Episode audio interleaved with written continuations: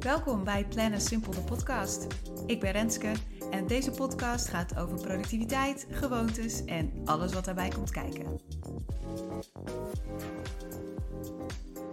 Vorige week kreeg ik een vraag van een klant en ze vroeg aan mij: wat is het verschil tussen focustaken en niet-focustaken?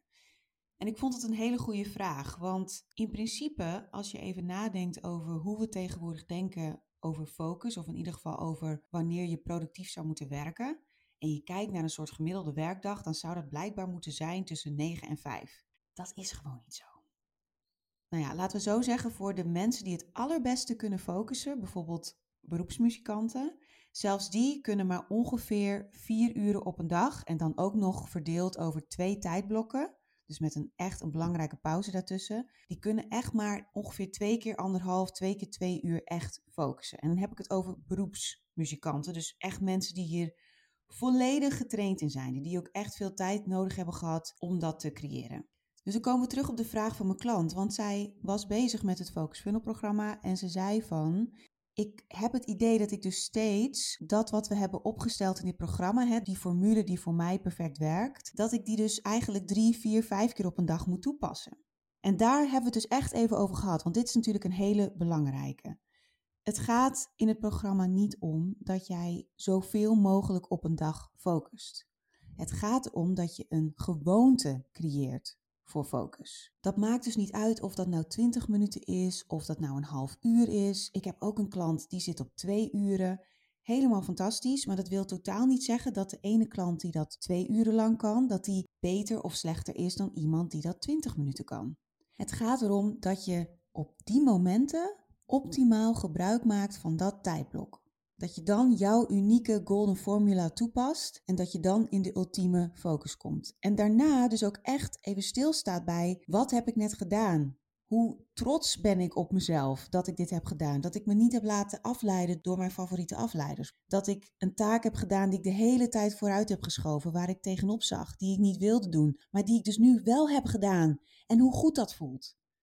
Dat kun je echt niet vijf, zes, zeven keer op een dag doen.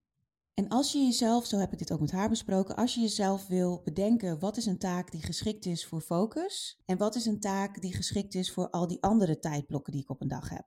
Nou, daar hebben we het lang over gehad in die zin dat ik daar allerlei tips voor zou kunnen geven. Maar de kern is, de meest simpelste is, hè, plannen simpel, is dat je jezelf de vraag stelt, zou ik dit ook kunnen doen als mijn energie lager is?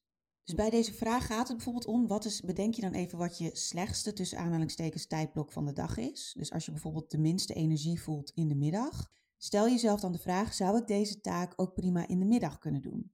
Als het antwoord ja is, dan is het niet geschikt voor een focustijdblok. Voor een focustijdblok wil je echt richten op de taken die ertoe doen.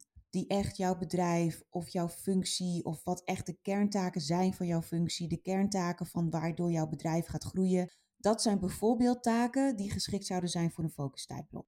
Maar ook dit is weer heel persoonlijk. Ik heb klanten die zitten bijvoorbeeld heel erg op dat ze het focustijdblok gebruiken voor die taken die bij hen een soort van angst oproepen. Of een soort, ja, ze kunnen het lastig omschrijven, een soort afkeer. Iets van, ik wil die taak, ik weet dat die moet, maar ik wil hem eigenlijk niet doen.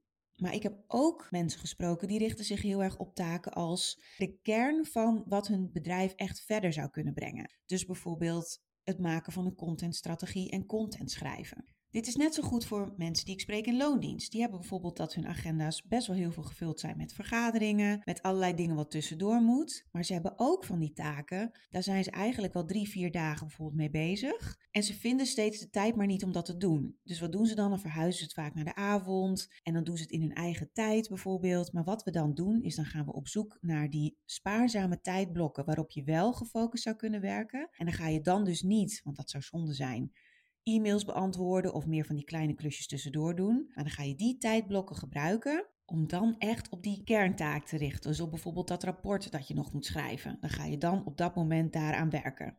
En dan pas je dus ook op dat moment je formule toe. Als je dus deze podcast luistert en je denkt, hoe kan ik hierover nadenken? Denk dan dus echt na over welke taken, als ik naar mijn takenlijst kijk, welke zijn het belangrijkst voor de functie of de rol die ik heb, voor het bedrijf dat ik heb en de groei die ik wil gaan doormaken. Wat zijn bijvoorbeeld ook taken die ik steeds vooruitschuif, die ik steeds aan het uitstellen ben, dat soort taken. Kijk daar kritisch naar. Die zouden geschikt kunnen zijn voor jouw focusmoment.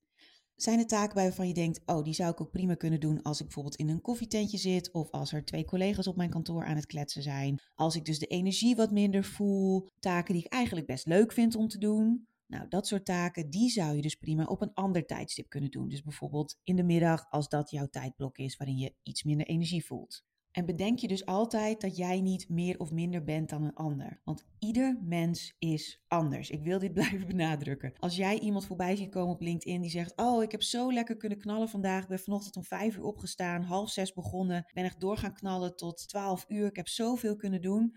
Fantastisch voor die persoon, maar dat wil totaal niet zeggen dat dat ook een gouden formule voor jou is. Het is heel belangrijk om gaandeweg steeds verder in kaart te brengen wie jij bent en wat jij nodig hebt. En hoe jij dus het beste gebruik kunt maken van jouw focusmomenten. Ik heb hier zo zoveel al gemerkt hoe ik bij mensen hier een resultaat kan bereiken, dat ik oprecht super tof zou vinden om dit ook voor jou te doen. Het goede nieuws is op het moment dat ik deze podcast inspreek, is dat uh, eh, planensimpel.nl helemaal gevuld is met de informatie die je nodig hebt. Dus kijk daar even naar als je denkt, ik wil hier ook mee aan de slag. En anders zou ik zeggen, heel veel succes met nadenken over jouw focusmoment, wat voor jou werkt. En ga dus niet bijvoorbeeld e-mails beantwoorden of kleine klusjes tussendoor doen in jouw unieke focusmomenten, die echt, als je er kritisch naar kijkt, best wel heel zeldzaam zijn.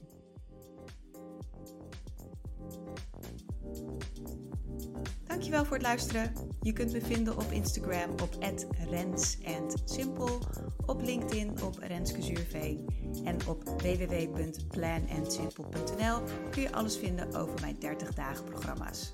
Tot de volgende!